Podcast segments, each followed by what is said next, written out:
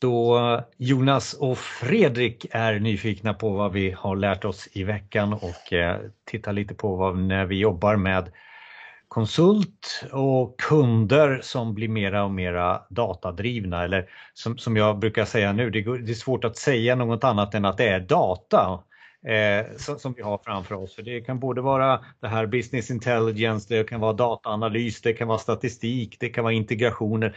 Det handlar väldigt mycket om en ny typ utav tid där data blir viktigare. Och eh, Fredrik, spaningen här alltså, eh, handlar ju om att data och siffror har kanske ägts utav en typ av målgrupp tidigare. Statistiker, ekonomer, men vi förflyttar oss lite, eh, lite framåt nu, ska vi kanske Ja, det skulle jag vilja säga. Det, är, det blir ju intressant när, när vi går ut i organisationerna och, och pratar om den här vikten av att ta datadrivna beslut.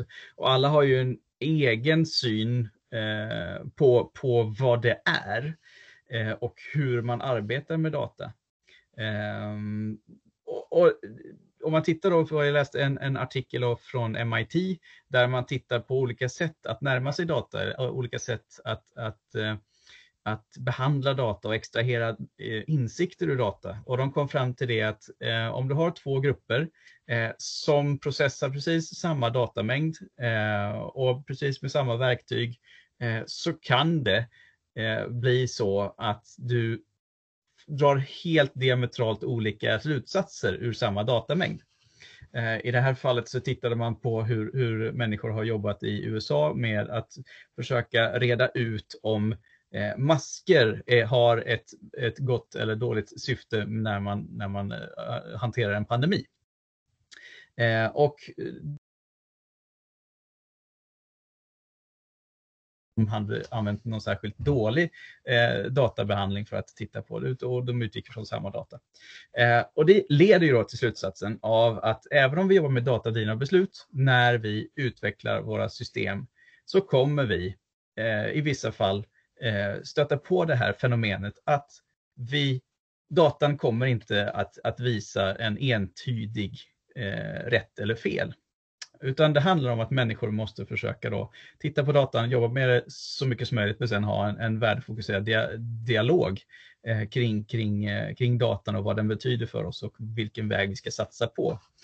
Um, men alltså siffrorna var ju inte rätt tidigare heller. Eh, statistik och förbannad lögn och alla de här citaten man körde med. Så att, vad, är det som är, vad är det som är nytt nu? Är det nya målgrupper du pratar om eh, som kommer in i det här?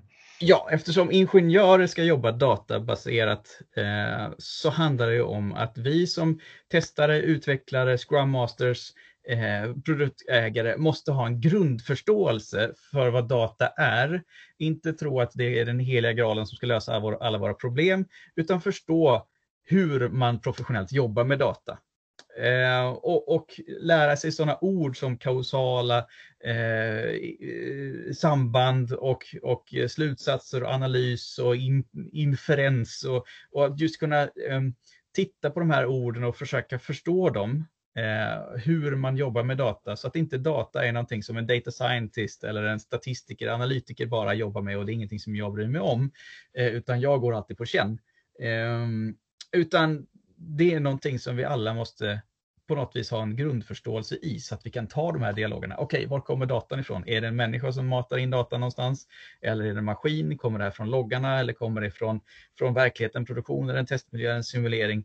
Eh, att ställa de här frågorna så att vi förstår hur vi ska väga vår datarepresentation eh, i jämförelse med, med vår, vår känsla eller tro. Så att om jag sammanfattar lite så här på slutet att du, du, du, känner att spaningen handlar om att vi, det är annan målgrupp som tittar på den data som kanske förut analyseras av statistiker eh, och liknande. Mm. Eh, här får vi en, en, dataset som vi ska kanske lägga lite mera soft skills på när vi tolkar eh, den så att vi, vi förstår att det inte bara ja A och B eller ja och nej i allting vi ser. Eh, men vad du säger, är det att vi behöver lägga på kunskap som vi inte har idag inom IT till exempel, vi som jobbar inom IT?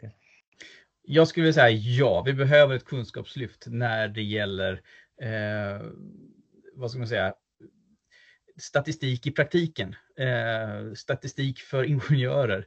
Eh, vi behöver eh, den typen av, av grundläggande utbildning för att förstå data, kunna hantera data, för att prata om data eh, på, ett, på ett moget sätt. Det tror jag. Så lite Data for Dummies kan vara en bra sak att googla på eller skriva eh, en bok om. Mm. Absolut. Tack så länge Fredrik. Tack.